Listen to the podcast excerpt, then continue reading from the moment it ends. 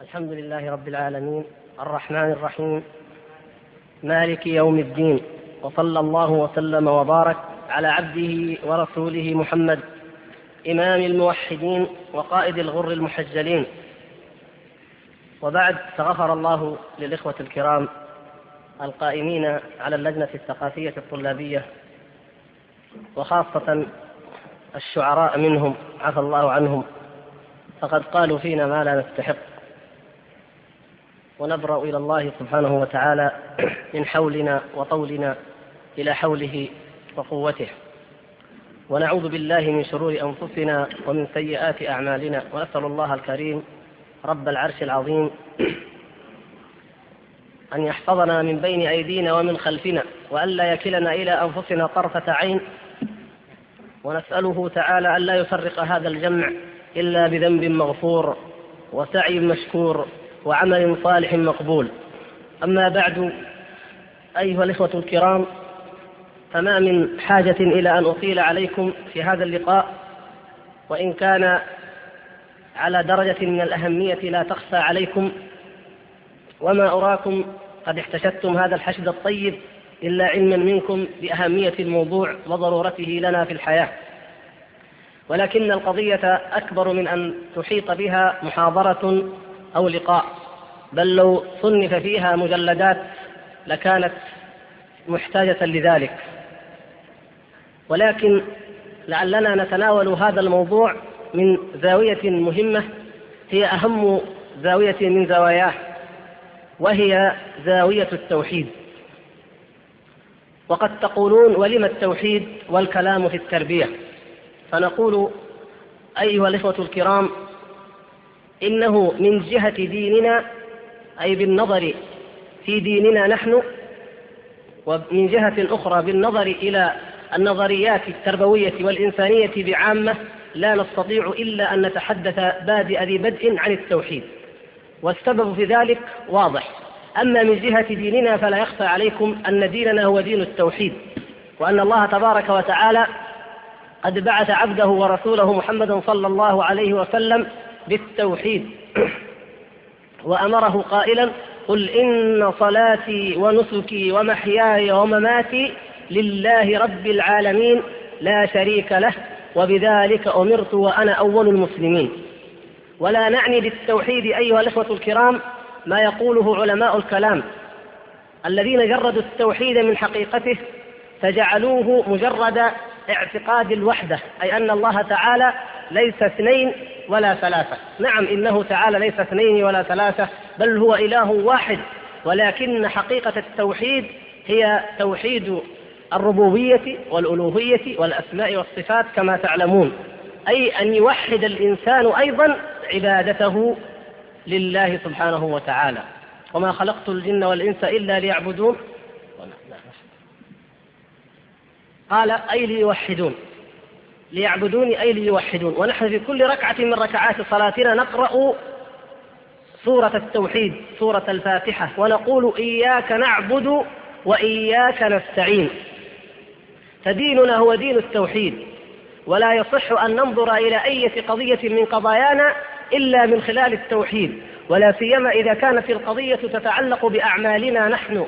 وبسلوكنا وبتصرفاتنا وهذا هو مضمون التربية كما تعلمون.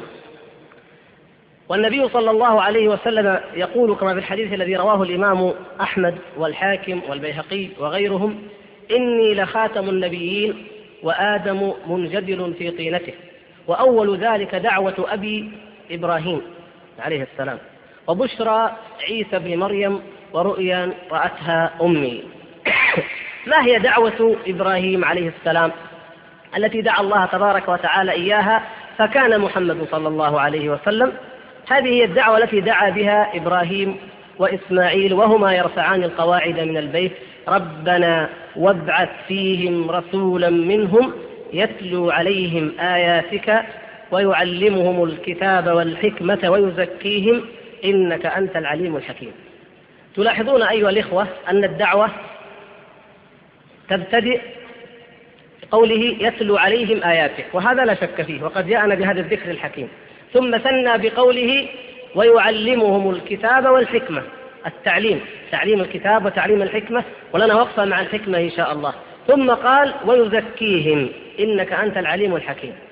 فلما استجاب الله تبارك وتعالى دعوة إبراهيم عليه السلام ذكر كما في نفس السورة في سورة البقرة كما أرسلنا فيكم رسولا منكم يتلو عليكم آياتنا ويزكيكم ويعلمكم الكتاب والحكمة ويعلمكم ما لم تكونوا تعلمون.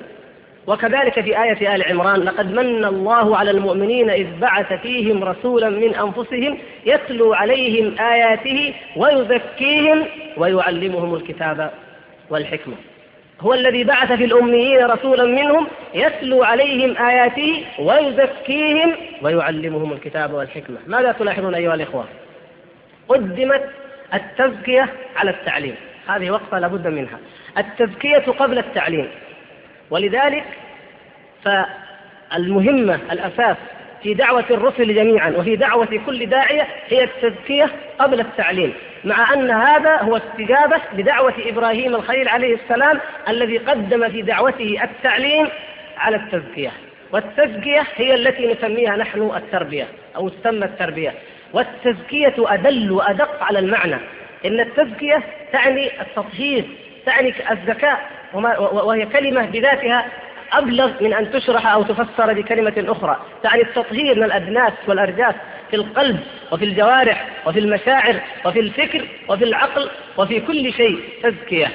فهكذا بعث الله تبارك وتعالى عبده ورسوله محمد صلى الله عليه وسلم مزكيا لهذه القلوب.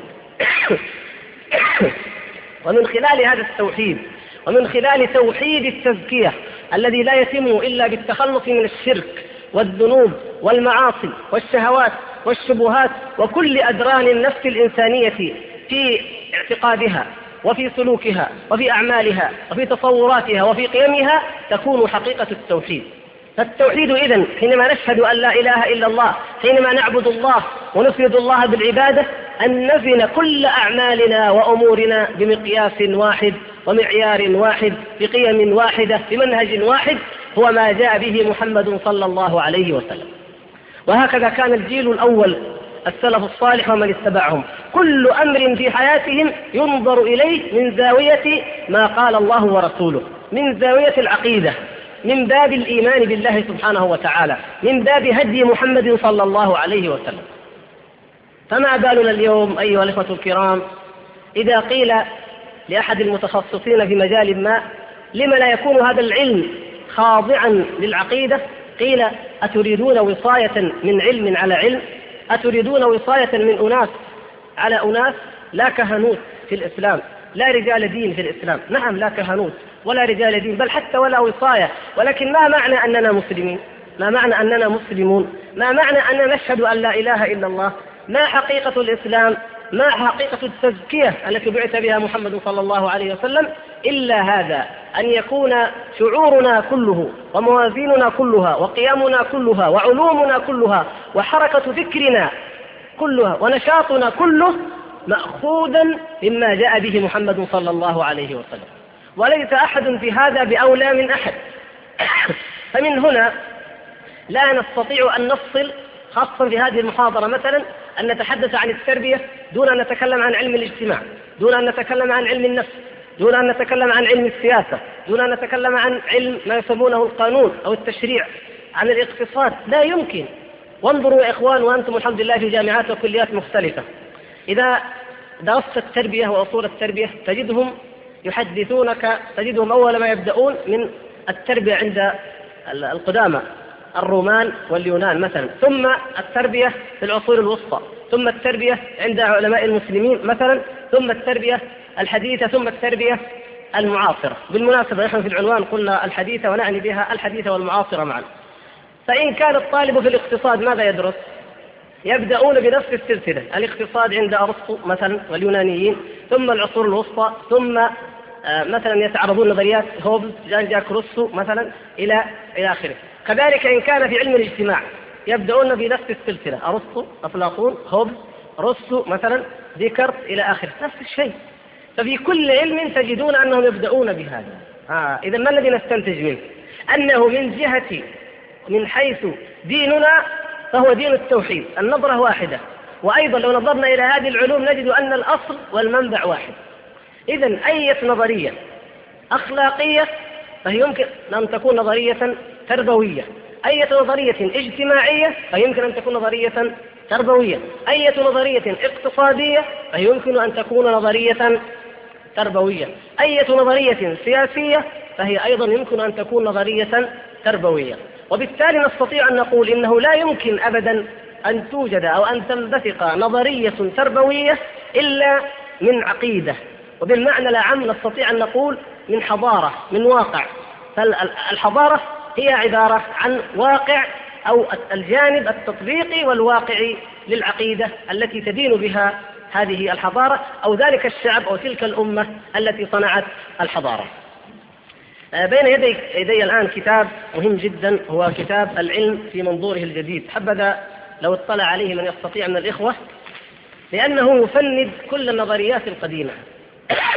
يفند كل النظريات التي تجزئ النظرة إلى الإنسان وتفصل ما بين الإنسان وبين الدين ومؤلفاه كاتبان غربيان لا يؤمنان بالإسلام ولكن هما أثبتا فشل وبطلان كل النظريات الحديثة والقديمة والمعاصرة أو ما يسمونه باختصار هم النظرة القديمة أثبت بطلان هذه النظريات في نظرتها إلى الله وإلى الدين وإلى الأخلاق وإلى القيم وأثبت أنه لا بد أن يكون التصور الكلي الموحد. نحن في غنى والحمد لله عن هذا نحن نعلم ذلك.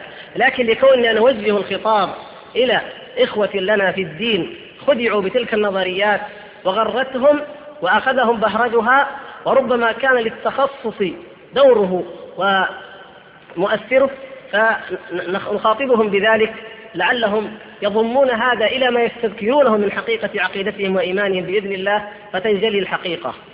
يقول المؤلفان في أول الكتاب صفحة 15 لكل حضارة من الحضارات تصور كوني للعالم أي نظرة يفهم وفقا لها كل شيء ويقيم. إذا لابد من تصور كوني نظرة كونية يفهم كل شيء ويقيم كل شيء من خلال هذه النظرة. والتصور السائد في حضارة ما هو الذي يحدد معالمها ويشكل اللحمة بين عناصر معارفها ويملي منهجيتها ويوجه تربيتها. وهذا حق ومعلوم للجميع.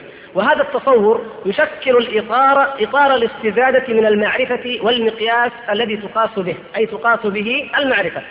يقول وتصورنا للعالم هو من الأهمية بحيث أن لا ندرك أن لدينا تصورا ما إلا حين نواجه تصورا بديلا. إما بسفرنا إلى حضارة أخرى وإما باطلاعنا على أخبار العصور الغابرة وإما حين يكون تصور حضارتنا للعالم في طور التحول. ثم يتكلم المؤلفان عن عن حضارة حضارتهما الغربية فيقولان والحضارة الغربية ما برحت منذ عصر النهضة عصر النهضة تعلمون جميعا المقصود به هو القرن الرابع عشر يمكن أن يكون أيضا الثالث عشر والرابع عشر والخامس عشر على تفاوت في التقدير. المقصود هو عصر الاحتكاك بالحضارة الإسلامية في آه، الأندلس وإيطاليا جنوب أوروبا عموما وبداية تسلم أوروبا للقيادة العلمية بداية بواعيث الانبعاث أبواكير بواعيث الانبعاث في الغرب. منذ عصر النهضة الحضارة الغربية تخضع لسلطان العلم التجريبي بيد أن النظرة الكونية التي تولدت إبان عصر النهضة تواجه في الوقت الراهن تحديا من علم القرن العشرين. هم لا يؤمنون بالله ولا باليوم الآخر ولا يقولون إنها تواجه تحديا من العقيدة أو من الإيمان الحق لا. ولكن من علم القرن العشرين أبطل أو تبطل كل تلك النظريات. يقول الأمر الذي يفضي إلى وجود نظرتين علميتين متنافستين. وعلى حد تعبير أحد مؤرخي الحضارات وهو توماس بري يقول القضية كلها قضية نظرة ونحن الآن بالذات نواجه مشكلة. يتكلم عن واقع الحضارة الغربية. نحن الآن بالذات نواجه مشكلة لأنه ليس لدينا نظرة مقبولة. فلا النظرة القديمة تؤدي دورها على الوجه السليم ولا نحن تعلمنا النظرة الجديدة. سبحان الله. هذا ما يعترفان به. لا النظرة القديمة تؤدي دورها على الوجه السليم ولا نحن تعلمنا النظرة الجديدة. إذا هم لا يزالون يعيشون في تخبط وفي ظلمات. نتيجة هذا السيل المتدفق من النظريات الحديثة. أو ونظريات عصر النهضة كما تسمى. لو استعرضنا أيها الإخوة التربية الحديثة من خلال النظريات الكونية والعلمية لوجدنا أن أصل النظرة في العالم الغربي النصراني طبعا قبل دخول الدين النصراني كانت نظرية وثنية. دخلت النصرانية ففرضت على الناس اعتقاد رجال الدين وجعلتهم كلمة الله المقدسة التي لا يجوز لأحد أن يخالفها بأي حال من الأحوال. والتربية الكنسية النصرانية كانت أول وأهم ما تفترضه أن تقتل في الإنسان مواهبه ومشاعره وتطلعاته إلى الأفضل في هذه الحياة الدنيا. كما قال الله تعالى ورهبانية ابتدعوها ما كتبناها عليهم. ابتدعوا الرهبانية التي تقتل في الإنسان أي تطلع للعيش في هذه الحياة الدنيا كما أمر الله وكما يريد وكما يريد الإنسان أيضا أن يعيش بحكم الفطرة التي فطره الله تبارك وتعالى عليها. أضافت إلى هذا أمرا آخر مهما وهو أنها حاربت العلم والعلماء. ولو سألتكم سؤالا أي النظريات كانت أول ما اصطدم بالكنيسة؟ النظريات الإنسانية أم النظريات الكونية؟ فبماذا تجيبون؟ نعم النظريات الكونية. سؤال آخر ينبني على هذا. النظريات الكونية هل أثبت الزمن صحة ما قالته الكنيسة؟ أم صحة ما قاله العلماء؟ بالجملة يعني أيهما ثبتت صحته؟ العلماء هذه المشكلة هنا المشكلة هنا بداية العقدة في الحضارة الغربية. اصطدمت الكنيسة وعندها شيء من الحق لا شك؟ ولا سيما في النواحي الأخلاقية بغض النظر الآن عن انحراف العقيدة. لكن كناحية أخلاقية تربية الإنسان على أن لا يرابي وأن لا يغش وأن لا يكذب وأن يتحلى بالأخلاق هذه موجودة في النصرانية المحرفة. اصطدمت النصرانية بما فيها من حق بماذا؟ بالنظريات التي ثبتت صحتها أول الأمر نظرية كوبرنيكوس في في الكون وفي المجموعة الشمسية وكذلك نظرية جاليلو في دوران الأرض ثم نظرية نيوتن في الجاذبية أو آه، الأجرام السماوية أيضا امتداد هي امتداد لكوبرنيكوس هذه النظريات عندما ظهرت وأثبتت علوم الرياضيات والتجربة الحسية صحتها على الجملة. نحن الآن لا ندخل في التفاصيل لأن التفصيل سيؤدي بنا إلى أن نقول هذه النظريات نفسها عليها ملاحظات علمية كثيرة لكن من حيث الجملة. هزمت الكنيسة بحقها وباطلها في هذه المعركة فظهرت بعد ذلك النظريات الإنسانية والتي ثبت زيفها وبطلانها لكن متى ظهرت؟ بعد أن انهارت الكنيسة وتصدع بنيانها وقاس الناس النظريات الإنسانية على النظريات الكونية فقالوا العلم على صواب دائما والكنيسة على خطأ والدين على خطأ دائما.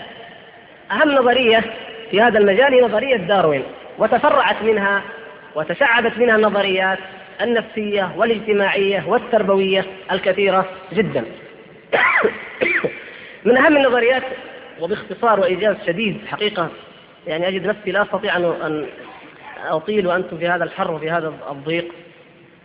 ظهرت أو اشتقت من الداروينية نظريات كثيرة وغير الداروينية النظرية المادية التي طغت على فكر القرن التاسع عشر. ظهر كارل ماركس يقول تؤمنون بالغيب؟ آمنوا بالمادة. ما المادة يا ماركس؟ قال المادة هذا الذي الحقائق أمامكم. هذه مادة هذا الخشب مادة هذا مادة هذا الجسم مادة. آمنوا بشيء محسوس لا يحتاج أن يكلفكم شيئا. أما عالم الغيب الذي تقوله الكنيسة لا دليل على إثباته وكله هراء وكله أساطير. هذا امتداد نظرية هيجل وغيره. المهم إيمان بالمحسوس. بالمادة. ظهرت النظريات ال ال بعد ذلك مثلا في التربية بالذات الآن ندخل في العمق. مثلا نظرية التحليل النفسي. هذا اليهودي فرويد بماذا فسر الإنسان؟ تفسيرا جنسيا. يعني كل الدوافع الإنسانية إنما تنشأ من هذه الشهوة فقط. هل يمكن أن يفسر الإنسان بكامل نشاطاته بكل آماله وأحلامه وتطلعاته وحضاراته وبنائه وتراثه أن يفسر من خلال غريزة واحدة من غرائزه؟ لا, لا يمكن. ولكن مع ذلك فرويد قاله. بعد فرويد جاء ما هو أدهى من ذلك وأطم بعد ما درست التحليل النفسي المدرسة السلوكية السلوكية التي تفسر الإنسان تفسيرا حيوانيا آليا معه أي التي تجعل العقل لا دور له وإنما التحكم والتوجه أو التوجيه لماذا؟ للغريزة الحيوانية البحتة فماذا طبقوا؟ هنا نرى الخلل الكبير الذي وقعوا فيه عندما هربوا من الإيمان بالغيب عندما هربوا من إثبات إنسانية الإنسان لأنها تلجئهم من الإيمان بإله الكنيسة الذي هربوا منه أثبتوا أن الإنسان آلة والبعض أثبت أن الإنسان حيوان. فإذا كيف يخططون وينظرون وهم على غير هدى من الله لتربية الإنسان ولإصلاح الإنسان؟ بعضهم أخذ يطبق ما على الآلة. ينظر الآلة كيف تشتغل الآلة؟ كيف تتحرك؟ ويجعل حركة الإنسان حركة آلية ودوافعه دوافع آلية. البعض الآخر أخذ يطبق على الحيوان. وليس سرا وكلكم تعلمون ذلك أن الأكثر علوم النفس والتربية والاجتماع وعلم النفس التكويني كمثال وأمثال إنها تطبق النظريات الحيوانية تطبق التجربة على الكلاب وعلى القرود وعلى الفئران وعلى الأرانب. والنتيجة تكون هي الإنسان. تطبق على من؟ على الإنسان. فيغفل جانب جانب عظيم جدا هو الجانب المهم في الإنسان وهو إنسانيته وهو روحه وقلبه كما في القرآن يغفل تماما وتبقى الأمور متعلقة فقط بالأعصاب الميكانيزم العصبي بالجسد بالنواحي العضوية فسيولوجية عضوية بحتة وليس للروح ولا لعالم الغيب أي دخل أو مجال فيها. هكذا يعني تطورت أو توسعت النظريات على اختلافها وإذا بنا نجد أن الإنسان لا يشكل إلا رزمة أو كومة من اللحم والدم والعظام يوضع على منصة التشريح ثم يراد أن يخطط له اجتماعيا وسلوكيا وأخلاقيا وحتى الفنون حتى الآداب. أريد لها أن تنتكس لتخضع لهذه المعايير. لا شك أنها نكسة كبرى ابتليت بها الإنسانية. من فضل الله سبحانه وتعالى وهذه من آه، حكمة الله أن النظرية أو إحدى النظريتين الغربيتين الكبيرتين أو إحدى الاتجاهين أو إحدى أحد المعسكرين لكم أن تعبروا ما شئتم قد شهدنا نحن انهياره الآن وهي النظرية الشيوعية الماركسية.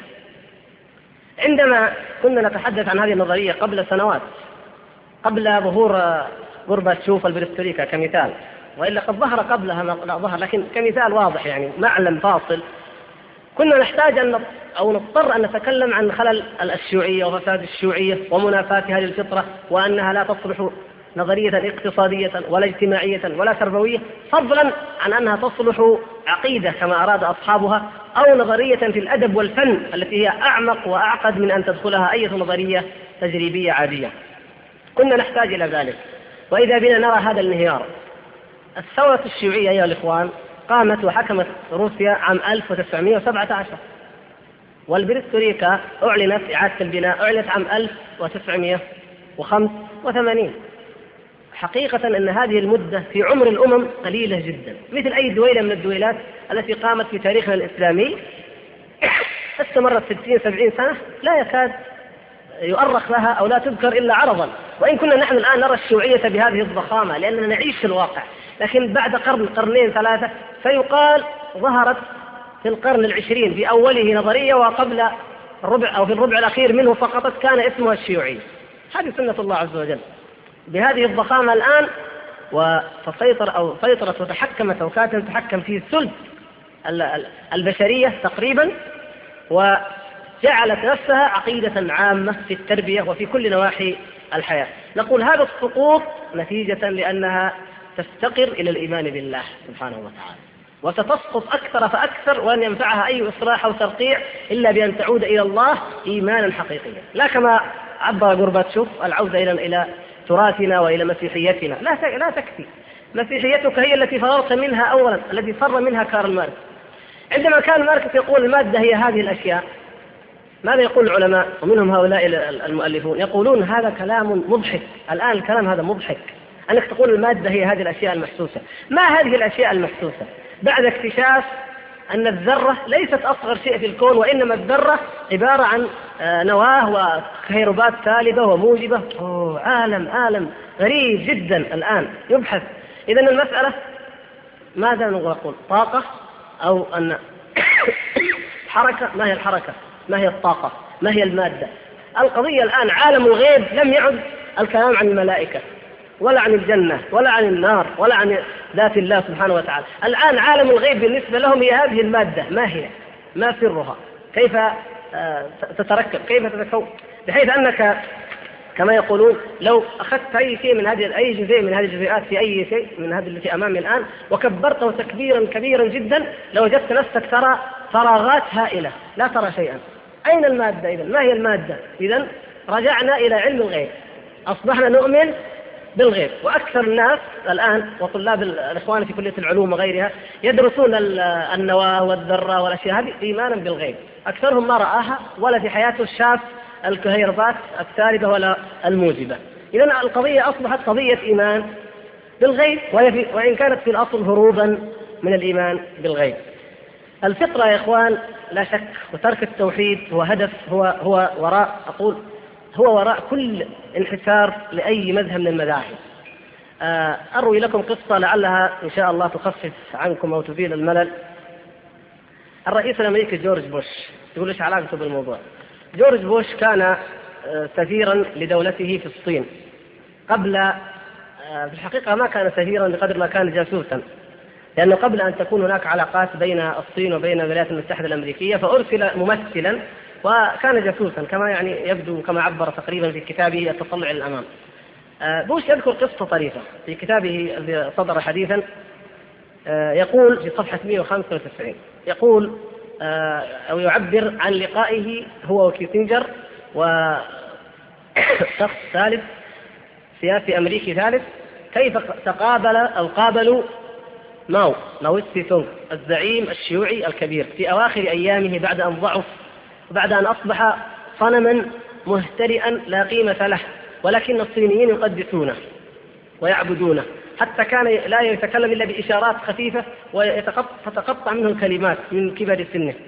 آه، يقول مش من ضمن ما يذكر من لقائه مع ماو يقول مع مرور وقت الاجتماع ظهر أن ماو أصبح أقوى وأكثر تيقظا يعني نشط شوية بعد طول اللقاء أو بعد يعني ساعات أو شيء من من الوقت.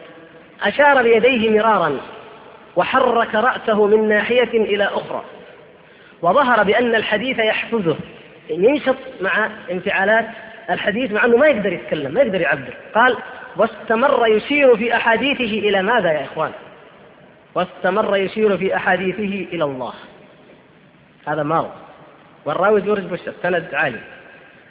إذ علق مرة قائلا قال ماو لكيسنجر وبوش؟ قال إن الله يبارككم ولا يباركنا. إن الله لا يحبنا لأنني قائد عسكري وشيوعي. يقول عن نفسه. كلا إنه لا يحبني ولا إنه يحبكم أنتم الثلاثة. يقول وأشار أحنى رأسه وأشار إلى كيسنجر وونستون لورد وتجاهي هذا هكذا يقول الرئيس بوش. ما هو في تلك الأيام يا إخوان في العالم الإسلامي في عالمنا الإسلامي بل في جزيرة العرب هنا في إحدى الدول قدر لنا أن نذهب في رحلة جامعية ومعنا بعض الأساتذة موجودين يمكن الآن بينكم. تخرج مظاهرة ويقولون لا إسلام بعد اليوم. ماو ماو رب الكادحين. تعالى الله عما يقولون ماو رب الكادحين.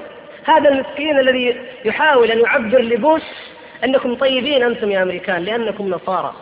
أما هو يقول عن نفسه أنه شيوعي فلن يباركه الله. طبعا نحن نعرف أنه لا بركة لا في بوش ولا في ماو كلاهما.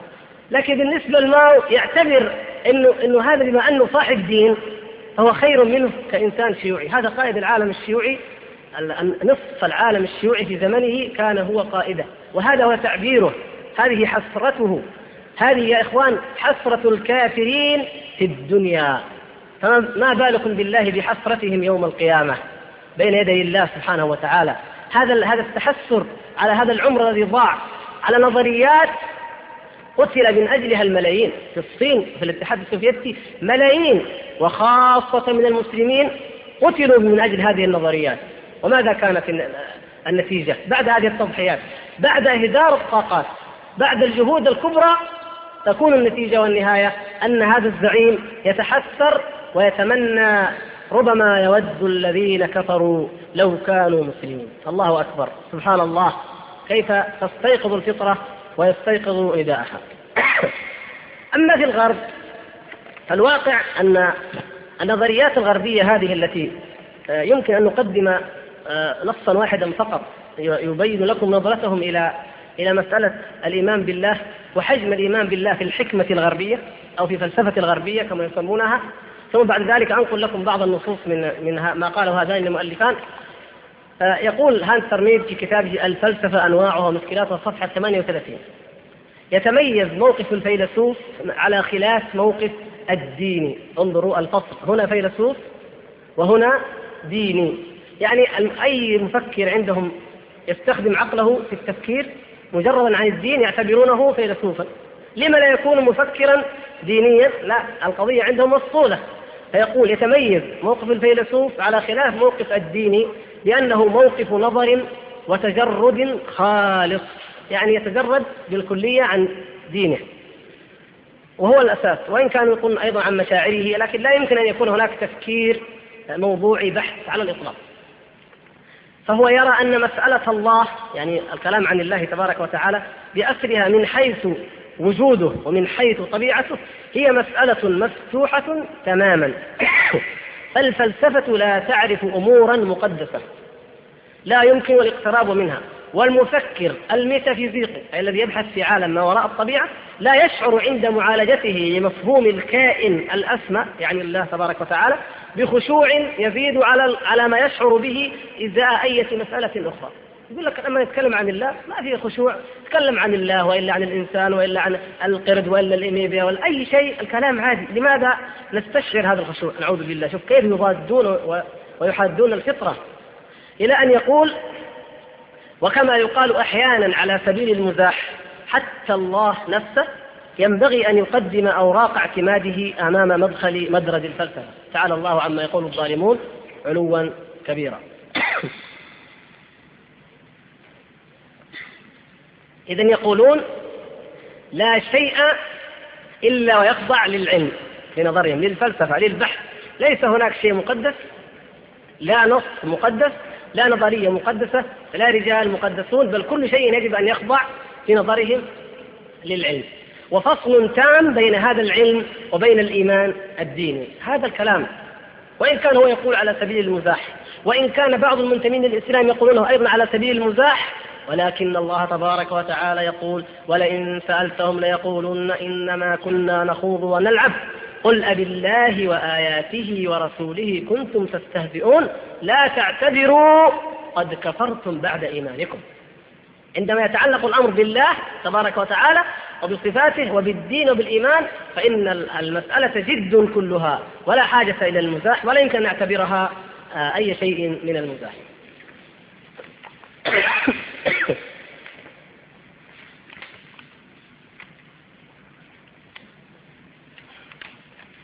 آه، أحد الباحثين المعاصرين اسمه بنفيلد هذا مشهور في في أمريكا ولعلنا نتعرض للمدرسة نفسها ككل. المدرسة التي نشأت الآن في الولايات المتحدة الأمريكية تعتبر حديثة. آه هذا الرجل آه اشتغل بالبحث. يقول طوال حياتي العلمية سعيت جاهدا كغيري من من العلماء إلى إثبات أن الدماغ يفسر العقل. انظروا هذا أساس من أسس التربية. أن الدماغ هو الذي يفسر العقل يعني الجانب العضوي بتبسيط شديد من الإنسان هو الذي يفسر الفكر والجانب التجريدي والجانب النظري. يقول غير أن الأدلة في آخر الأمر بعد البحث الطويل أوصلته إلى الإقرار بأن العقل البشري والإرادة البشرية حقيقتان غير ماديتين. ويعلن يقول يا له من أمر مثير إذا أن نكتشف أن العالم أن العالم يستطيع بدوره أن يؤمن عن حق بوجود الروح. يقول شيء مثير جدا. العالم وليس رجل الدين الآن في الكنيسة. العالم من خلال البحث النفسي الطويل يستطيع أن يؤمن وبحق بوجود الروح. إذا هذه قضية بالنسبة للذين يجعلون أبحاثهم كما ذكر أحدهم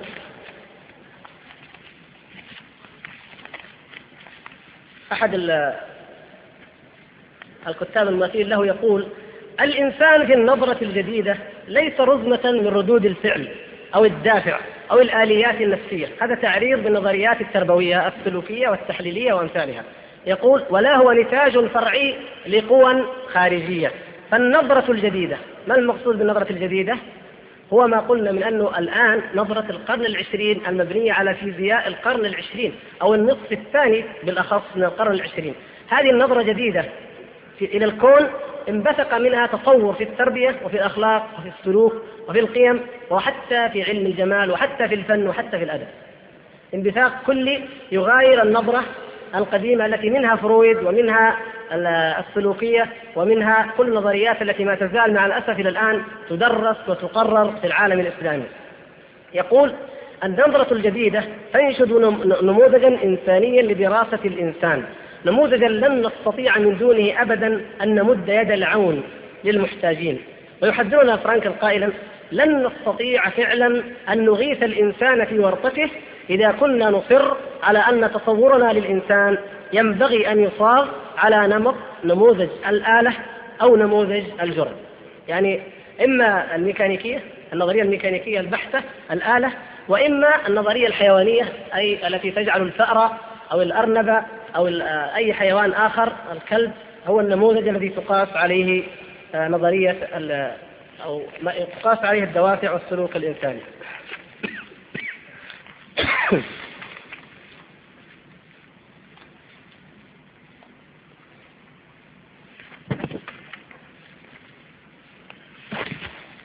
يقول الكاتبان لو كان الإنسان مجرد كائن مادي كما تزعم النظرة القديمة انظروا الآن يعبرون عنها بماذا؟ بالقديمة القديمة. انتهت عفى عليها الزمن لو كان كذلك لكان من المعقول أن نتخذ أشياء مادية أبسط كالآلات نماذج للسلوك البشري. فلكل آلة دافعة تشغلها كالبخار أو الكهرباء أو الاحتراق الداخلي مثل السيارة احتراق داخلي يقول وعلى ذلك كان أهم عنصر في الإنسان وفقا لعلم النفس في النظرة القديمة هو قوته الدافعة. ما هي القوة الدافعة؟ ما هي ما الذي يدفعه؟ هي الغريزة في عمومها أم غريزة معينة كما تصور فرويد أم أنه أمر آخر. يقول آه، والقوى المادية في الآلة الإنسانية تتخذ شكل غرائز وانفعالات هي مصدر جميع الأعمال التي يقوم بها الإنسان. أما العقل فلا يملك زمام الأمر لأنه نتاج ثانوي للمادة. يعني بعد أن يعني يتحدث في فساد هذا النظرة يقول في أعقاب الحرب العالمية الثانية شعر كثيرون من علماء النفس أن إخضاع العقل للغريزة في طريقة التحليل النفسي وإلغاء العقل كما هو الحال في السلوكية قد أفضيا إلى تجريد الإنسان من إنسانيته في علم النفس. معتبرين أن هذا موقف لا يطاق في فرع من فروع المعرفة مكرس لخدمة الجنس البشري. شيء لا يمكن. العلم المختص بالإنسان يتقهقر كما عبر عن ذلك ريكس كارل وكذلك ليكون دينوي في كتابه مصير الإنسان. الجبهة المادية من الحضارة تتقدم وأما الجبهة الإنسانية فإنها في تأخر وتقهقر وتراجع كبير. يقول وأخيرا التحمت في الخمسينيات من هذا القرن قوة ثالثة في علم النفس. إلى جانب القوتين الأخريين التحليل النفسي والسلوكية. ما هي هذه القوة؟ يقول هذه الحركة إن أتباعها لا يتكلمون بصوت واحد ولا يشكلون مدرسة فكرية مستقلة ولا هم متخصصون في أي مجال ذي مضمون محدد. لاحظوا كيف؟ الآن بدأنا نرجع إلى مسألة التوحد يعني التفرق الشديد يرجعهم في النهاية إلى الوحدة. إذا القضية يا إخوان أصلها هي التوحيد. أصلها التوحيد. يتشعبون ثم يرجعون إلى شيء واحد. فهم مختلفون جدا ولكن يقول إن كل ما يجمع بينهم هو الهدف المشترك المتمثل في أنسنة علم النفس أي أن يجعل أو يصبح علم النفس علما إنسانيا. إذا هو إلى الآن ليس إنسانيا هو حيواني أو آلي. وبناء عليه كل النظريات التربوية هي تدرس الإنسان من زاوية الآلة أو من زاوية الحيوان. يقول وفي في اجتماع وطني للرابطة الأمريكية لعلم النفس عقد في عام 1971 قررت هذه الحركة الجديدة أن تطلق على نفسها اسم علم النفس الإنساني. متى اكتشفوا متى اكتشف الغرب أنه لا يملك علم نفس إنساني؟ ولا رابطة لعلم النفس الإنساني وأنه في حاجة إلى أن يتخلص من الورطة كما يعبرون وأن يبحث في ضوء جديد وعلوم علم جديد 1971 وكل النظريات التي ندرسها نحن في العالم الإسلامي كلها قبل هذا العام بسنوات. يقول نحن لا لا نزكي يعني هذه المدرسة الأخيرة لكن نضرب مثال على أننا نلتقط ما رماه الغرب من في نفاياته وما, وما تجاوزه ونحن ما نزال نعيش ونقتات عليه. مع الأسف إلا القلة المؤمنة المخلصة وهي موجودة والحمد لله في هذه الجامعة وفي غيرها الذين بدأوا ينظرون إلى كل شيء من زاوية التوحيد من زاوية الإيمان ومن زاوية هذا الدين الذي لا يجوز أن ننظر إلى أي شيء إلا من خلاله. يقول آه، قررت هذه المدرسة أن تسمي نفسها علم النفس الإنساني. وهذه هي سكيولوجيا النظرة العلمية الجديدة ثم أخذ يتحدث عن أحد الأسباب الرئيسة في ذلك فيقول عن أحد آه، أحدهم هو أوبنهايمر يقول إن أسوأ ما يمكن تصوره من حالات سوء الفهم هو أن يتأثر علم النفس تأثرا يجعله يصوغ نفسه على غرار فيزياء لم يعد لها الآن وجود. الفيزياء التي هي فيزياء القرن التاسع عشر وأول القرن العشرين فيزياء يقول فيزياء عفى عليها الزمن وأعتقد أن هناك اجماعا في الرأي على أن هذا هو الطريق الذي قادتنا إليه السلوكية الوضعية المنطقية. يقول انتهت يجب أن ننسى كل تلك النظريات لأنها بنيت على فيزياء القرن التاسع عشر واول القرن العشرين التي قد تغيرت تغيرا تاما. يعذرنا الإخوة على الجفاف فهذا طبعا نحن في محيط أكاديمي ومفروض أن تكون القضية كمان أعمق واعقد من كذا لكن اضطر يعني نحاول يعني أن نوثق وأن نبسطها بشكل كبير ربما بعض إخواننا المتخصصين والأكاديميين آه، ينتقدوننا فيه لكن لعلمي أن أكثر الحاضرين لم يتخصصوا في هذه المجالات أو مبتدئون فيها فنضطر أن نوضح وإن أخللنا ببعض النواحي العلمية البحتة. المهم أنه يا إخوان يعني نحن الآن لم ندخل في تفصيل نظريات التربوية وإنما نتكلم في الأساس الذي تنبثق تنبثق منه النظرية سواء كانت تربوية أو أخلاقية أو اجتماعية أو نفسية وهي التصور الكوني الكلي للوجود. وكل واحد منكم يعلم أية أمة أين هي؟ أي أمة من الأمم تملك تصورا كونيا كاملا للوجود محددا؟ يعني محددا فيه صفات الله سبحانه وتعالى محددة فيه صفات الله عز وجل. محددة فيه صفات الرسل وواجباتهم وأعمالهم وما ينبغي لهم وما يجب آه، لنا علينا نحوهم. محدد فيه وظيفة الإنسان محددة فيه وظيفة الإنسان ومصيره من أين جاء وإلى أين يذهب وكيف يعمل وكيف يعيش. ومحددة فيه كل جوانب النفس الإنسانية بحيث يجد الإنسان أنه في اقتصاده واجتماعه وآدابه وأخلاقه وسلوكه يجد نفسه شيئا واحدا لا تتعاوره الاتجاهات المتناحرة. هل يوجد أي نظرية أو أي مبدأ أو أي دين في العالم غير الإسلام؟ نتحدى الدنيا كلها ونقول هاتوا هاتوا ما عندكم. الإنسان الأوروبي يا إخوان يألف الآن رغم وجود هذه المدارس وأمثالها التي بدأت تظهر الإنسان الأوروبي في تاريخه الطويل ألف المتناقضات. ألف التناحرات. كان يخضع لقيصر في مال قيصر ويخضع للكنيسة في مال الله كما هي نظريتهم الباطلة التي تقول دع ما لقيصر لقيصر وما لله لله. آه ألفريد نورث وايتهيد هذا عالم رياضي كبير إنجليزي يقول مشكلة المشاكل التي يعيشها الإنسان والتي يعيشها العلم الحديث هي تجزئة الطبيعة. تجزئة الطبيعة. يعني ننظر نقول هذا جانب ديني هذا جانب علمي هذا جانب تربوي هذا اقتصادي هذا سياسي. لو دقق الإنسان يجد أن هذه الجوانب جميعا لا يمكن أن تنفصل على الإطلاق. كيف تفصل بين دين الإنسان وبين أخلاقه؟ كما هو الحال في الغرب الآن. كيف يمكن هذا؟ كيف يمكن أن تفصل بين دين الإنسان أو بين أخلاق الإنسان وبين اقتصاده؟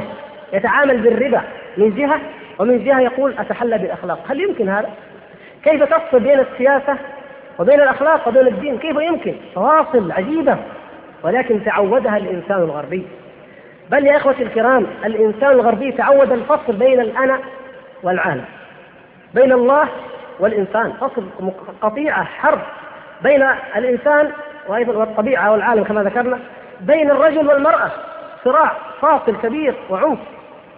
صراع بين ما للقيصر وما للبابا.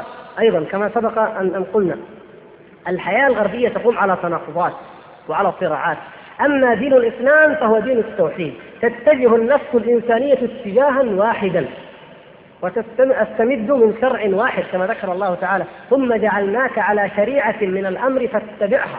ولا تتبع انظروا كيف قال أهواء الذين لا يعلمون. أهواء مختلفة. وأن هذا صراطي مستقيما فاتبعوه. صراط واحد. ولا تتبعوا السبل فتفرق بكم عن سبيله أهواء مختلفة وأرباب متشاكسون متداخلون على هذا الإنسان. ماذا كانت النتيجة لهذا الإنسان؟ ولعلنا يمكن أن نختم بها ونترك المجال للأسئلة ما أدري الحقيقة. ما أحب تظل في هذا الضيق والضنك. ظهرت مدارس اليأس ومدارس القنوط نتيجة هذه التربويات وهذه النظريات. ال- ال- الوجودية كما عبر عنها سارتر أو ألبير كامي وأمثالهم يقولون لا حل إلا اليأس. اليأس من أي نظرية أخلاقية؟ اليأس من الوصول إلى المعرفة. اليأس من أن الإنسان يعرف لماذا وجد ومن أين جاء وإلى أين يذهب. قالوا لا يمكن أن تصل الإنسانية إلى معرفة هذه الحقائق يعني خير لنا أن نريح أنفسنا من هذا وأن نعيش الحياة العبثية. آه، انظروا كيف يقول كامل الفيلسوف الفرنسي الشهير. يقول لو كنت شجرة بين الأشجار أو قطا بين الحيوان لكان لهذه الحياة معنى. لو كنت شجرة بين الأشجار أو قطا بين الحيوانات لكان لهذه الحياة معنى. أو على الأصح لما كانت المشكلة مطروحة. ما كان عنده مشكلة في من أنا ومن أين أتيت وإلى أين أذهب.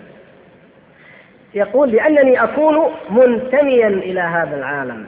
هذا العالم الذي أقاومه الآن بكل إدراكي صراع بين الأنا وبين العالم. لما الصراع؟ سبحان الله. يعني تذكرون مثال واحد عندما قال النبي صلى الله عليه وسلم أحد جبل تحبنا ونحبه. سبحان الله. ما هو غريب يقول أنا أحبك في الله يا أخي تقول أحبك في الله. لكن جبل جبل يحبني وأحبه؟ سبحان الله. بل نحن نعلم أن كل هذه الموجودات وإن من شيء إلا يسبح بحمده ولكن لا تفقهون تسبيحه. كلها تسبح الله. فأنا عندما أصلي وعندما أذكر الله وأنا خالد في طريقي أو ماشي أتأمل وإذا هذا يسبح الله وهذه النجوم تسبح الله وهذا الشمس تسبح الله وهذا كله يسبح الله. هل أشعر بعداوة لهذه الموجودات؟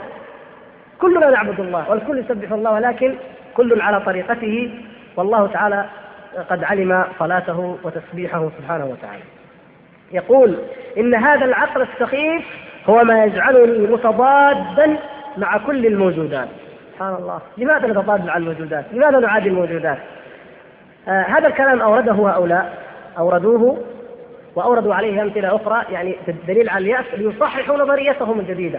أوردوا مثالا آخر عن الفيلسوف فريدريك نيتشه. يقول إن الفلسفة الحديثة بكاملها تنحصر في نظرية عن المعرفة وهي فلسفة لا تستطيع أن تتخطى عتبة ذاتها وقد حرصت كل الحرص على إنكار حقها في الدخول.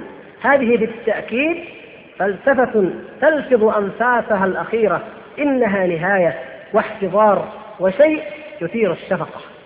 يقول الحضارة مفلسة الفلسفة مفلسة ليس لدينا أي شيء ليس لدينا قيمة ثابتة ولا معيار صحيح. يقول الكاتبان إذا فكسوف العالم في الفلسفة المعاصرة كسوف كامل ومطلق. إن البذرة شديدة الضآلة البريئة في الظاهر التي زرعها بيكون وغاليلو في القرن السابع عشر قد استغرقت نيفا وثلاثمائة عام لتثمر في عصرنا هذا ثمرة اليأس الفكرية المرة والعدمية وانفصام الإنسان عن العالم. يعني بعد ثلاثمائة سنة من تركهم للدين يا إخوان هذا معنى كلام. من تركهم للدين منذ نظريه كوبرنيكس وجاليليو وأمثال. بعد 300 سنة من قولهم أننا الآن نسير على العلم ومقتضى العلم يقول كانت الثمرة هي اليأس الفكري وهي العدمية وهي انفصام الإنسان عن العالم. هذه هي المحصلة النهائية للفلسفة في إطار النظرة القديمة. وهذا يستتبع بالضرورة أنه إذا كنا لا نستطيع أن نعرف أي شيء عن العالم فسنكون أيضا قد خسرنا العلم. يعني إذا كان بعد جهد 300 سنة والآن نقول نبدأ من الصفر. حقائقنا معرفتنا عن العالم صفر. معرفتنا عن الإنسان صفر. بعد جهد كم يا إخوان؟ بعد خسارة كم؟ 300 سنة وأكثر. يقول إذا نكون قد خسرنا العلم. إذا خسرنا العالم. وخسرنا العلم. وصدق الله تعالى والعصر إن الإنسان لفي خسر إلا الذين آمنوا وعملوا الصالحات وتواصوا بالحق وتواصوا بالصبر. هؤلاء هم الذين ليسوا بخاسرين والحمد لله. فلو أن هذه الحصيلة حصيلة 300 سنة وأكثر من التجربة ومن النظريات ومن الكد الذهني في الجانب الإنساني لا نعني الجانب المادي. لو أنها كانت على إيمان وعلى دين لأعطت البشرية علوما عظيمة وأنجزت لها إنجازات بل أرباحا هائلة وليست هذه الخسارة. فهم الآن يعترفون بالخسارة ويعترفون بالإسلام. ماذا بعد هذا؟ العجب ممن يتبع الخاسرين. العجب ممن يعيش في النور ومع ذلك يرضى بأن يتبع السائرين في الظلمات. العجب من الذين ينتمون إلى هذه الأمة العظيمة المجتباة المصطفاة التي أورثها الله تعالى الكتاب وأورثها الحكمة ثم يعيشون في ركاب هؤلاء المخدوعين التائهين الحيارى المتهوسين هنا أعود إلى كلمة بدأتها في أول اللقاء عن الحكمة. الله سبحانه وتعالى أيها الإخوة عندما ذكر الحكمة التي آتاها النبي صلى الله عليه وسلم في الآيات التي ذكرنا عرفها السلف بأنها السنة بعض السلف وهي حق السنة كلها حكمة. ولكن أيضا نلحظ أو نلمح معنى آخر لا يتعارض مع ذلك وهي أن ما يسميه الغرب فلسفة ومنه اشتقت كل نظريات التربوية والاجتماعية والنفسية يسميه الله سبحانه وتعالى حكمة. ما أين سماه أو ما هي هدف هذه الحكمة؟ الله تبارك وتعالى في سورة الإسراء ابتدأ آيات عظيمة تقول وقضى ربك ألا تعبدوا إلا إياه وبالوالدين إحسانا. ثم استمرت الآيات بما تحدث فيها. تحدث عن بعد الكلام عن الوالدين الإحسان الأقربين عن ترك التبذير عن الاقتصاد في النفقة عن عدم قتل الأولاد عن ترك الزنا ترك القتل والتحذير من هذه الجرائم البشعة عن عدم أكل مال اليتيم إلا بالتي هي أحسن عن الوفاء بالكيل والميزان والعهود نهى الإنسان ولا تقف ما ليس لك به علم أيضا أن يقتفي ما ليس له به علم آه نهاه عن الكبر ولا تمشي في الأرض مرحا إلى غير ذلك بعد هذا كله ذلك مما أوحى إليك ربك من الحكمة طيب وإيش بعد ذلك؟ ولا تجعل مع الله الها آخر فتلقى في جهنم ملوما مدحورا. أول شيء بدأت به الحكمة ما هو؟ التوحيد. وقضى ربك ألا تعبدوا إلا إياه. وآخر وصية ختمت بها الحكمة ولا تجعل مع الله إلها آخر. التوحيد التحذير من الشرك. انظروا كيف يا أخوان. التوحيد أساس كل حكمة.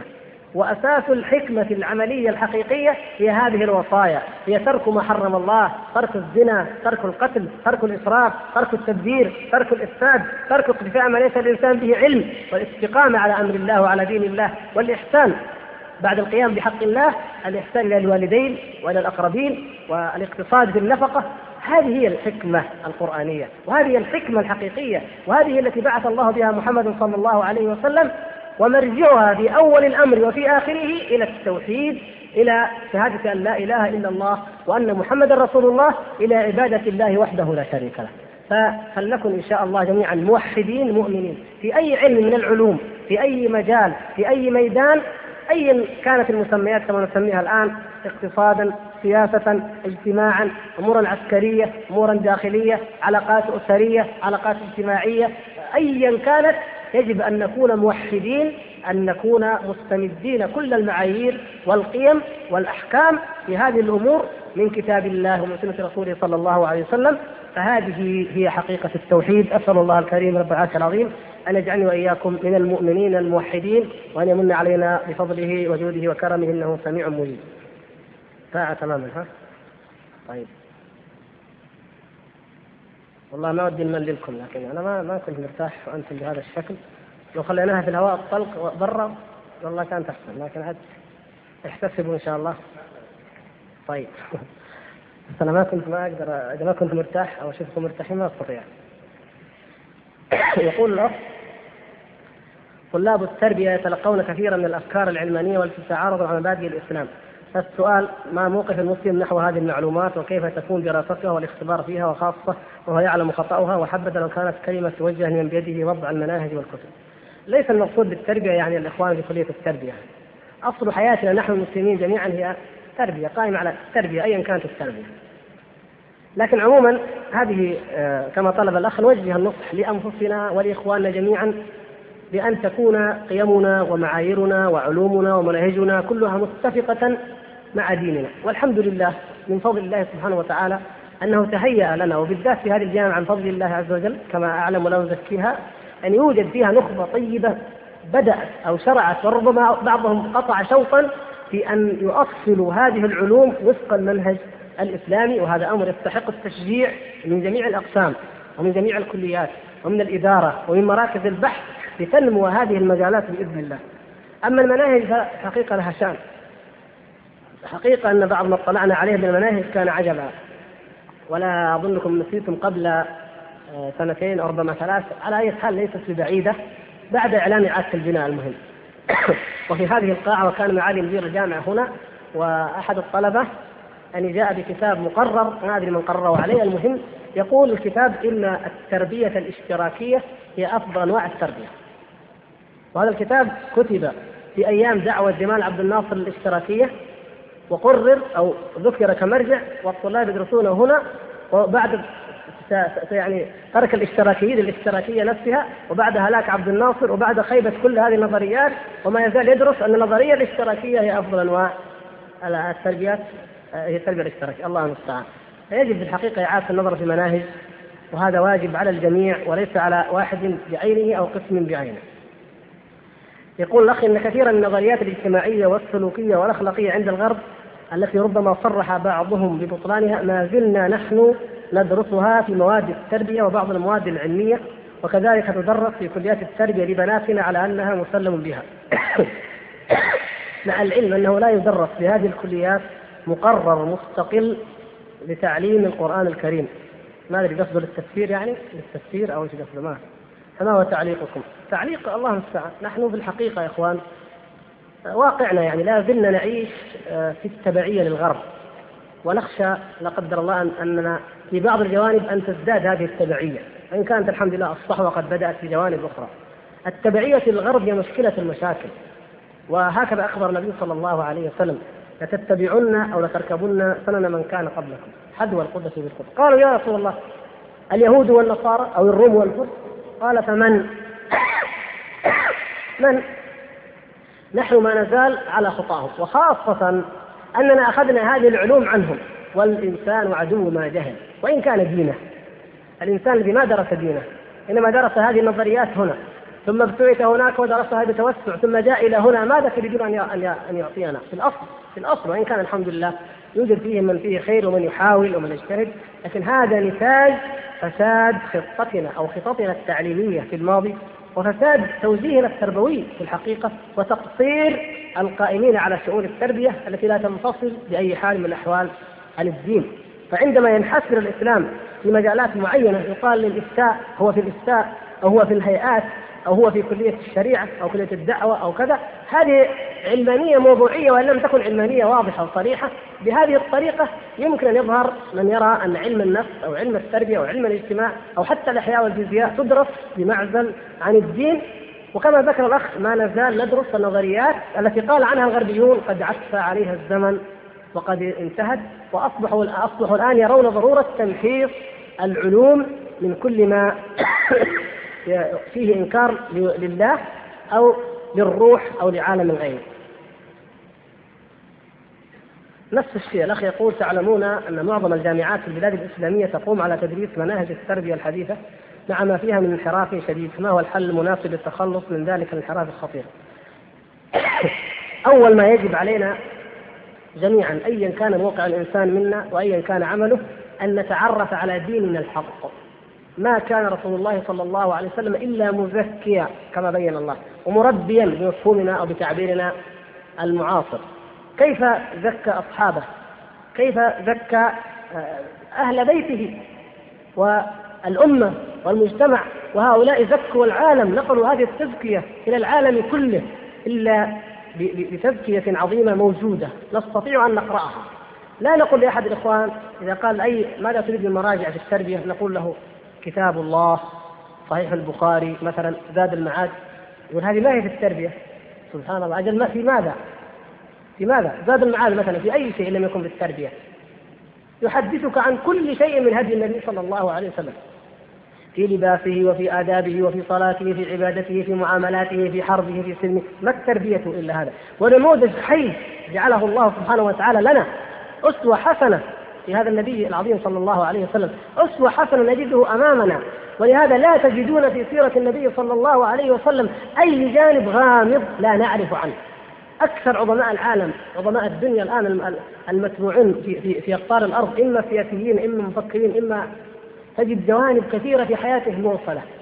يعني نعرف أنه له نظريات كذا وكذا لكن كيف حياته الأسرية؟ كيف زواجه؟ كيف موصل؟ كيف كانت علاقاته مغفلة؟ سبحان الله. لأن فيها ما فيها. الرسول صلى الله عليه وسلم لأنه قدوة لنا جميعا وفي حالاتنا جميعا سيرته كلها أمامنا. صلى الله عليه وسلم. حتى كيف كان يقسم بين زوجاته وكيف كان يفعل كيف كان يغتسل من الجنابة كل شيء أمامنا مرسوم واضح لنقتدي به صلى الله عليه وسلم. فالذي أعطانا أرسل إلينا هذا الرسول كما قرأنا لقد من الله على المؤمنين. منه منه عظيمة. الذي من علينا بإرسال هذا الرسول يتلو علينا آياته ويزكينا ويعلمنا الكتاب والحكمة. هذه المنه لا نجحدها ولا ننكرها بل نتبعه صلى الله عليه وسلم ونتأسى به. هذه مصادر التربية الحقيقية ايا كان المجال. أيضا يقول الأخ نرجو أن توجهوا كلمة إلى المسؤولين عن التربية والتعليم في هذا البلد الخير بسبب التمييز بين من يدرس بين من يدرس المناهج التربوية الحديثة ومن لا يدرسها في التعيين والمرتب. يعني تربوي وغير تربوي.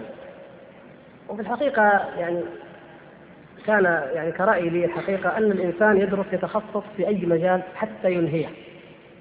ثم إذا أن أنهى المقررات التوصية أنهى الدراسة المطلوبة يأخذ فصلا في كيفية أو في طرق التدريس ووسائل التربية بعيدا عن النظريات التربوية لكن كوسائل تطبيقية عملية. إن كان يريد التدريس وإن كان لا يريده فليذهب، يعني حالت دون ذلك عقبات. وهذا ليس من عندي وحدي بل شاركني فيه كثير من الإخوة الأفاضل في عدة كليات كما قد سمعنا بعض المرات. لكن عقبات النظام والتطبيق واختلاف الكليات إلى آخره حالت دون هذا. ولا هذا هو الصحيح. فإن أراد الإنسان التخصص البحث يستمر وأن أراد أن يكون مدرسا فيأخذ مثلا سنة. ولا غضابة بعد ذلك أن أخاك الذي درس سنة زيادة عنك أنه يكون أعلى منك في المرتبة.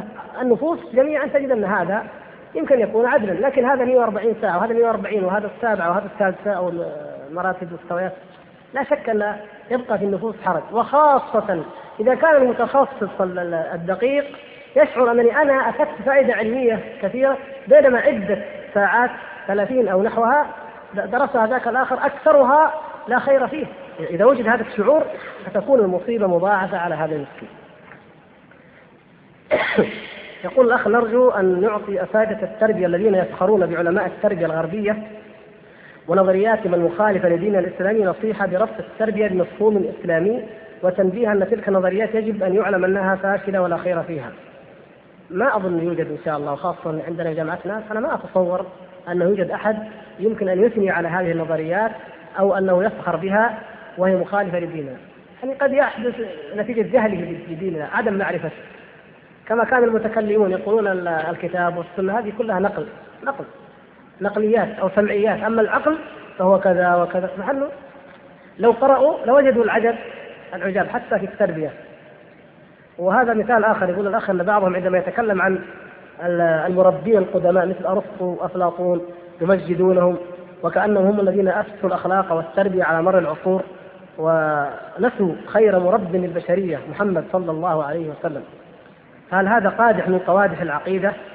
ما في شك أن هؤلاء ماذا سماهم الله تبارك وتعالى في كتابه؟ يقول الله عز وجل: ما أشهدتهم خلق السماوات والأرض ولا خلق أنفسهم وما كنت متخذ المضلين عضدا. هؤلاء ليسوا حكماء وليسوا أدلاء على طريق الخير وإنما هم مضلون أضلوا الإنسانية. اليونان أنفسهم كان لديهم ميراث من ميراث النبوة أضلهم عنه هذا الوثني المشرك أرسطو الذي كان مع ذي القرنين المشرك الذي ليس ليس ذا القرنين الذي ذكر الله تعالى في القرآن كان وزيرا له فكان مشركا وكتبه تتنضح بالشرك. هؤلاء مضلون. أرسطو وأفلاطون وأمثالهم. إلى كانت وديكارت هؤلاء؟ يعني غاية ما فيهم أن الإنسان منهم غاية إن كان يعني فيه شيء من ما قد يسمى خيرا أنه يؤمن بوجود الله. هذا كل ما عنده. أما غير ذلك فهم يعيشون في ظلام وفي ضياع وفي تخبط. فتمجيد هؤلاء والثناء عليهم لا شك أنه خطأ وخطر على العقيدة كبير لأننا نستمد قيمنا من عقيدة التوحيد والتوحيد من التوحيد أن نوحد النبي صلى الله عليه وسلم وسنته بالاتباع. بمعنى أن أي شيء يخالف سنة النبي صلى الله عليه وسلم فهو مردود مرفوض. كما نقرأ في في شرح الطحاوية فهما توحيدان. لا بد للعبد منهما. توحيد المرسل وتوحيد متابعة الرسول صلى الله عليه وسلم. توحيد المرسل معنى شهادة أن لا إله إلا الله وتوحيد متابعة الرسول هو معنى شهادة أن محمدا رسول الله صلى الله عليه وسلم. الأخ يقول ماذا لماذا نرد على مدرسي المواد التربوية الذين تخرجوا من مدارس داروين وأفلاطون وأرسطو وغيرهم وهم يقولون إن قسم العقيدة هنا في الجامعة يعطي للطلاب معلومات خاطئة وهم قد كفروا ابن سينا مع العلم أنه رائد المسلمين في علم النفس والطب وغيره. هي قضايا متداخلة بالنسبة طيب بالنسبة لابن سينا مثلا أو أبي زكريا الرازي أو أمثالهم لماذا نحن اعتبرناهم رواد علم التربية الإسلامية أو الفلسفة الإسلامية أو علم النفس الإسلامي؟ لماذا؟ حقيقة هذا تاريخنا أمامكم. اقرأوا مثلا مقدمة ابن خلدون ذكر فيها هذه العلوم بجميع أنواع العلوم حتى علم السحر حتى السيمياء حتى ذكرها ابن خلدون وفصل فيها. ما اعتبر هؤلاء رواد أبدا. لأن الغرب اعتبرهم روادا. ونحن نقلنا هذا من عند الغرب. لاحظوا القضية كيف. الغرب من أين تعرف على أرسطو وأفلاطون يا إخوان؟ أتظنون أن الغربيين قرأوا كتب أرسطو وأفلاطون مباشرة؟ أبدا. الغرب يعتبر العصر الحديث وعصر النهضة يبتدي بالدقة وبالتحديد إذا أردنا أن نضع معلما فكريا يقولون عام 1210 طيب. من يستطيع منكم أن يجيب لماذا اختاروا 1210 هذا نعطيه جائزة. تفضل. أحسنت. لا هو طيب لك نصف جائزة. لأنه السنة التي وصلت إلى أوروبا فيها ترجمة ابن رشد لكتب أرسطو. لاحظتم كيف؟ تاريخهم الحديث يبتدئ بحصولهم وعثورهم على كتب أرسطو. ترجمة من؟ ابن رشد. وتعليقات من؟ ابن سينا. آه. إذا هم أصلا أخذوا هذا أخذوا إلحادهم القديم أخذوه مع الأسف. عنا عمن ينتسب إلى الإسلام. فاعتبروا أول المعلم الأول أرسطو. ثم الذين أسهموا بعد ذلك في هذا الدور هم ابن سينا أبو زكريا الرازي أيضا له كلام في هذا الفارابي الكندي ابن رشد. لأنه في نفس الخط أخذوا من هذا المعلم معلم الضلالة الأول أخذوا منه وزادوا وشققوا وفرعوا واستدركوا. ثم نقلت مترجمة إلى أوروبا ومنها انطلقت النهضة الأوروبية الحديثة كما يزعمون. إذا نحن أخذنا هذا عنهم أما نحن سبحان الله أول مثل ما يقولوا عندنا في العقيدة أول من ألف في العقيدة أبو الحسن الأشعري. هذا كلام صحيح؟ سبحان الله. القرآن القرآن هو كله كتاب الإيمان والعقيدة ومحمد صلى الله عليه وسلم رسول الله صلى الله عليه وسلم هو الذي جاء بهذه العقيدة. هيقال أول من كتب فيها فلان. فكذلك في التربية ما كان رسول الله صلى الله عليه وسلم إلا معلما.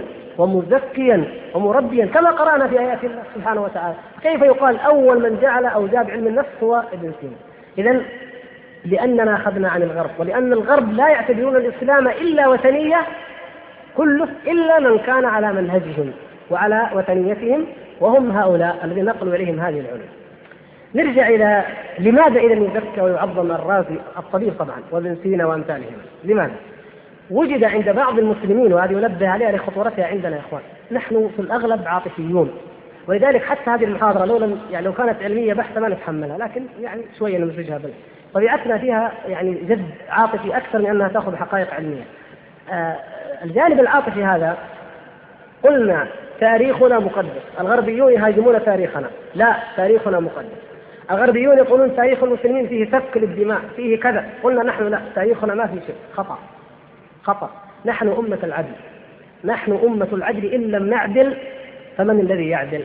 تاريخنا فيه أخطاء. من ينتسب للإسلام فيهم ملاحدة. فيه. ما لماذا نبرئ؟ لماذا نقدس تاريخنا؟ نحن لا نقدس تاريخنا وإنما نقدس ديننا. المعصوم عندنا هو ديننا هو ما جاء في الكتاب والسنة ومنهج السلف وأجمعت عليه الأمة. أما ما عدا ذلك اجتهاد قد يخطئ وقد يصيب لكن نحن ردة فعل. لاحتقار الغربيين لعلمنا جئنا نحن فأخذنا نقدس ابن سينا والفارابي نريد أن ندافع عنهم. فإذا قام أحد ممن عرف عقائدهم الكفرية والإلحادية قال هؤلاء يلحدون قال يا أخي اسكت أنت الآن مثل الغربيين. يعني من ناحية إيش؟ من ناحية أنك تشوه تاريخنا يعني يا أخي إحنا ما عندنا شيء نفتخر به إلا هؤلاء. لاحظتم الخطأ الأول؟ كيف ركب عليه خطأ آخر؟ لما أخذنا تاريخنا من خلال الغربيين ورجالنا ورواد حضارتهم من خلال الغربيين وجدنا أن الرواد هم هؤلاء القائمة الملحدة. جاء واحد يطعن القائمة الملحدة يقول يا أخي أنت تطعن الآن في علماء الإسلام وفي بناة الحضارة الإسلامية. إذا أنت تسيء إلينا الغرب يعترف بفضلهم الغرب يعترف بعظمتهم وأنت تطعن فيهم إذا أنت ما عندك إلا تكفير وما عندك إلا تعقيد وما عندك إلا آه. إذا الخطأ نشأ عن الخطأ الأول والخطأ الثاني هو أننا ندافع عن تاريخنا دفاعا مطلقا عاطفيا. لا. عندما قام الغرب يحط من قيمة الدولة العثمانية كمثال. قمنا نحن ندافع عنها ونزكيها ونبرئها. بالعكس لو كانت كما نزكي وكما نبرئ تماما لانتصر لكن فيها عوامل الخلل والضعف كما أن لها يعني لها وعليها. المقصود هو أن نكون من أهل العدل. طيب نفس تكرر لا معلش لا التفاسير ما ولا يعني التربية آه. يعني بعض الإخوان في التربية يقررون تفاسير كما راجع تفسير المراغي والواضح والألوسي والقاسمي خير من هذه جميعا تفسير ابن كثير. الأصل النفس خير منها جميعا. بعضها عليه ملاحظات أساسية وبعضها لا يخلو من أخطاء.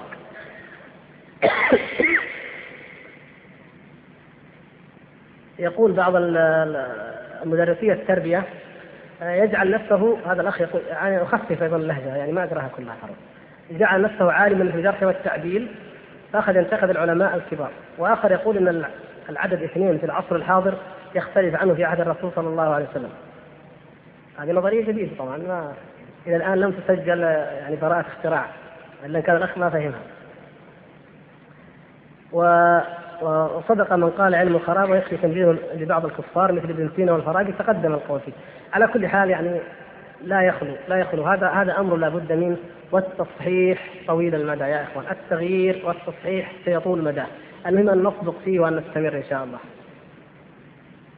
ما هي أهم وسائل التربيه الحديثه التي تعالج في الإنسان روحه وتخاطب وعيه بطريقة إسلامية بحتة؟ أهمها إيجاد المحاضن الإسلامية. أن يعاد دور المسجد كما كان. هذه محاضن التربيه الإسلامية. المسجد حلقات العلم. كما كان السلف الصالح رضي الله تعالى عنهم يربون في الإنسان أخلاقه وسلوكه وليس مجرد مسائل علمية أو خطبة جمعة وينتهي. كما كان النبي صلى الله عليه وسلم من قبل تعاد المحاضن الإيمانية التربوية أو التزكويه وأهمها المسجد وارتباط الناس بالعلماء ارتباط الناس بكتاب الله سبحانه وتعالى صباح مساء. تصحح. ما تكفي كلمة تصحح ما قد لا أجد عبارة ما أدري كيف أعبر. يعني المهم وسائل الإعلام التي أهلكتنا. بالانحلال وبالفساد الخلقي والفساد العقائدي والفساد في, كل جانب. ولا مبالغة. نقول أيضا لا بد أن تكون كما يريد الله سبحانه وتعالى منا أن نكون وتخاطب الأمة المسلمة من خلال كتاب ربها ومن سنة رسولها صلى الله عليه وسلم. وأمر آخر أحب أن ننبه الإخوة الكرام عليه. نحن يا إخوان لا نعترض عن الوسائل أو عن التجارب البشرية التطبيقية البحثة في علم التربية أو النفس الاجتماع وغير ذلك. هذه آه، جهد إنساني بحث ومشترك ويمكن لكل إنسان أن يفيد منه. بل يجب علينا نحن أن نفيد من أفضل الوسائل التربوية في ناحية الوسائل يعني في التطبيق في الأمور العملية. المهم الهدف عندنا يظل هو الهدف ونظرية نرفضها لكن تطبيقات مادية أو علمية أو تجريبية بحتة نحن أولى بها والحكمة ضالة المؤمن يأخذها من أي كانت طيب. خلاص. ها؟ كم الآن؟